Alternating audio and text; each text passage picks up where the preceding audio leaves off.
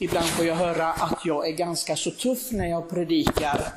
Och eh, då förstår jag att då lyssnar man inte på Paulus. Honom lyssnar vi till varje vecka på något sätt. Men eh, kanske med åren som vi lyssnar på honom så tappar han sin kraft för oss. Men han är tuff. Och det hör vi i dagens text i brevet till Filipperna. Han talar ju oftast i det vi hör då naturligtvis i breven till kristna församlingar, inte till hedningar. Det är en gång som vi hör honom tala till hedningar och det är i Aten när han talar till dem om de olika gudabilder som finns där. Men annars är det till kristna församlingar.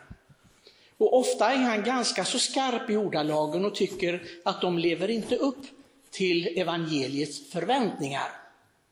Det är någonting fel med dem och idag är han särskilt arg när han säger att ni är fiender till Kristi kors. Det finns de som alltså är fiender till Kristi kors bland de som ska vara de trogna. Och han säger vilka det är.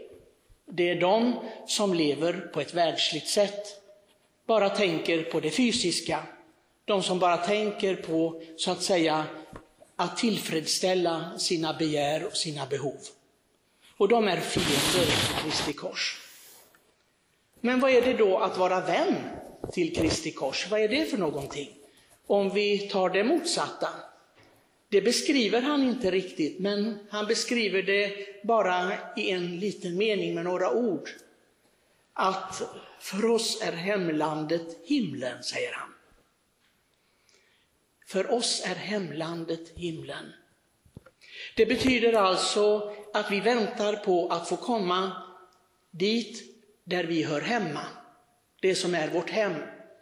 Och då förbereder man sig, och det, det säger ju naturligtvis när man läser sammanhanget i Paulus andra brev, att hur man förbereder sig för himlen. Och det är precis som han skriver på ett annat ställe, förberedelsen för den som vill löpa på banan. Idrottsmän, de måste förbereda sig, de måste uppoffra någonting. De måste satsa för att kunna vinna. För att bara säga att jag ska löpa för att bara springa, det är väl ganska så meningslöst. Åtminstone om man är med i en tävling. Och Paulus talar om livet som en tävling. Det är inte bara gymnastik, att var och en gör sin egen lilla runda och gör det på sitt eget sätt, i sin egen takt. Nej, Paulus talar om att det är en tävling. Vi tävlar inte för att man ska vinna över de andra, men att jag själv ska vinna segerkransen, säger han. Och för det krävs naturligtvis att vi tränar, att vi offrar någonting. Den som vill vinna på löparbanan, ja den kan inte leva vilket liv som helst. Den kan inte bara ligga på sofflocket och slumra och vila hela tiden. Den måste öva, den måste träna. Och så är det med oss. Och det är därför kyrkan talar om de speciella starka tiderna, advent och fastetiden. Tider då vi speciellt tänker på vad är det som behövs för mig för att jag ska uppnå det som är utlovat, det eviga livet. Att det kommer inte som ett brev på posten, det är någonting jag måste kämpa för. Att kämpa den goda kampen, säger han. Och att kämpa den goda kampen, det är någonting som vi alla är kallade till. Det är ingen som kan säga, ja men min mamma var så from så jag behöver nog inte anstränga mig så mycket. Det hjälper inte hur from din mamma än var.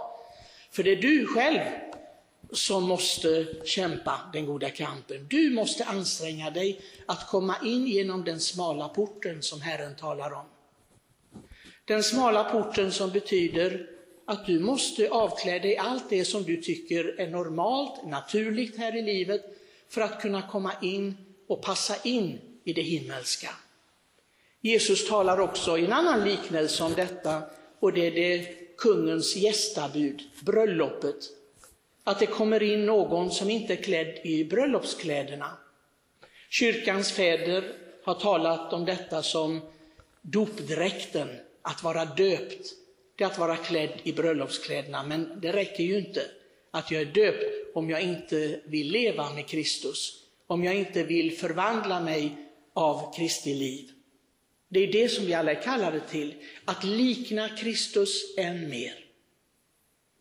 Vi vet att under fastetiden så talas texterna väldigt mycket om barmhärtighet och förlåtelse, om kärleken till nästan. Det hjälper ju inte om jag är döpt men inte älskar min nästa. Det är meningslöst. För dopet, det kräver att jag lever den värdigheten. Och förlåtelsen och kärleken till nästan, den måste finnas där i vårt liv. Finns inte barmhärtigheten i vårt liv inför vår nästa, då, ja, hur ska vi då kunna kräva någon barmhärtighet från Herren? Det går ju inte. Det sista Herren gör, det vet vi vad det är. Det är ingen hemlighet. Han ber om förlåtelse för dem som korsfäster honom. Fader, förlåt dem, för de vet inte vad de gör. Vi kanske tycker det motsatta. Jo, de vet visst vad de gör. När de är elaka, säger någonting som sårar oss, gör någonting som förnedrar oss. Jo då, de vet vad de gör. Alla hatar ju Putin nu. Det finns väl ingen människa på jorden som inte hatar Putin, förutom kanske några av hans vänner. Men vad hjälper det? Är detta vårt sätt att se på världen, på varandra? Hatet, det visar Kristus, det leder ingenstans. Och det leder absolut inte till det eviga livet. Han som själv inte hatade de som mördade honom eller förkastade honom. Vi måste likna Kristus allt mer. Det är det som är förvandlingen. Kyrkan låter oss höra det här evangeliet om Tabor, förvandlingen på berget Tabor, tre gånger under året. Man kan tänka, kan de inte hitta på någonting annat? Måste man ha det tre gånger varje år? Och vad ska prästerna och diakonerna säga tre gånger per år om just detta evangelium? Men det handlar just om det, kallelsen till förvandling, till Kristus likhet.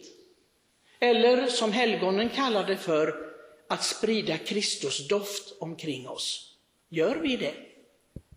Det är väldigt bra att ifrågasätta sig själv. Hurdan är jag som kristen? Är jag trogen Kristus? Är jag nära honom? Eller nöjer jag mig med att vara åskådare på långt avstånd? Räcker det för mig? För om jag vill vara nära honom, jag skulle vilja säga, det påverkar väldigt mycket. Ju närmare jag är Kristus, och det märks ju hos människor, desto mer förvandlas jag, desto annorlunda är jag. Jag är inte som världens människor. Det är någonting som är specifikt med mig och människor ute i världen märker det mycket väl. De som inte är bekännande kristna eller troende människor, de märker detta väldigt väl.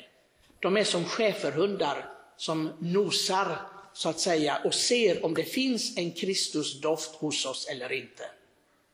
Är vi genuina eller är vi bara fasad? Och det där måste var och en, jag, jag kan inte komma och säga till någon, det där måste du arbeta med. Ja, i bikten kan man säga något, men det är jag själv, jag själv som måste ifrågasätta mitt liv och se, hur pass nära är jag Kristus egentligen? Hur nära vill jag vara Kristus? För det handlar ju om det. Det handlar ju om viljan. Vill jag vara nära Herren? Eller tycker jag det är bra som det är, där jag befinner mig? Och då blir det efter det också. Då blir jag kanske en dålig kopia av andra kristna som jag tycker, ja, jag kan vara som dem. Men vi är inte kallade till att vara dåliga kopior. Vi är kallade till att vara genuina, äkta vänner till honom.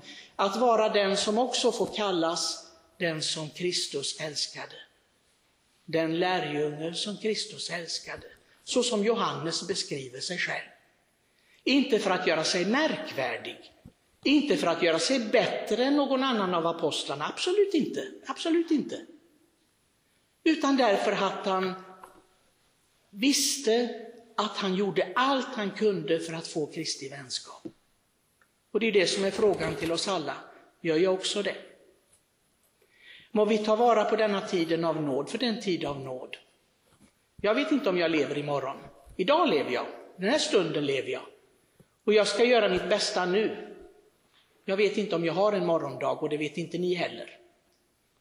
Så låt oss göra det bästa vi kan för att få vara med honom redan här och nu. För då har vi säkerhet att uppnå det som han lovar dem som älskar honom i himlen som är vårt hemland.